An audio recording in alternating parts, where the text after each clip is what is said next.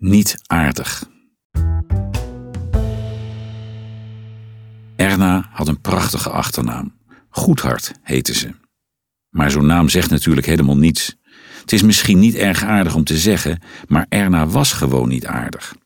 Zulke mensen bestaan ook. Ze zei nooit goedemorgen. Ze snauwde collega's af. Haar werkleider kon haar onwillige gezicht tot op de boos samengetrokken wenkbrauwen uittekenen. En als iemand de deur voor haar openhield, zei ze nooit dankjewel. Als ze nou nog haar werk goed deed. Maar ook dat was er niet bij. Ze kwam vaak te laat. En als ze er dan was, kwam er weinig uit haar vingers. En wat er dan uit haar vingers kwam, was slordig gedaan. Als gevolg van dat alles gingen haar beoordelingen van kwaad tot erger. We zaten kortom met de handen in het haar. Binnen kamers was het woord ontslag al gevallen. Erna Goedhart leek een onverbeterlijk geval. Hoe vind je het zelf gaan, Erna? Best. Van je werkleider hoorde ik iets anders. Moet hij weten. Dat soort gesprekken. Alleenstaand stond er in haar dossier.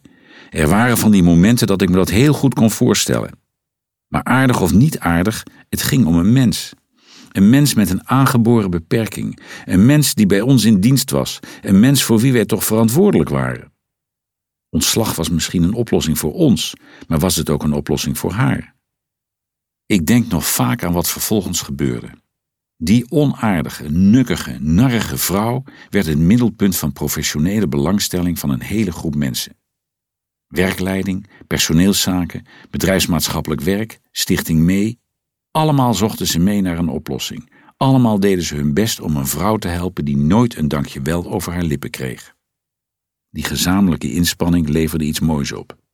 Uit verschillende testen bleek dat Erna, die fulltime werkte en ook nog zelfstandig woonde, gewoonweg te veel op haar bordje had.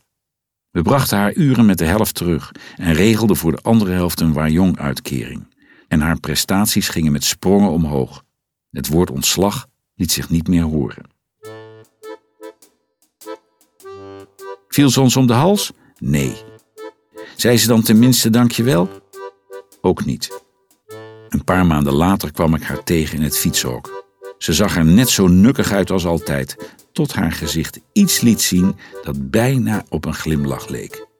Goedemorgen, zei ze.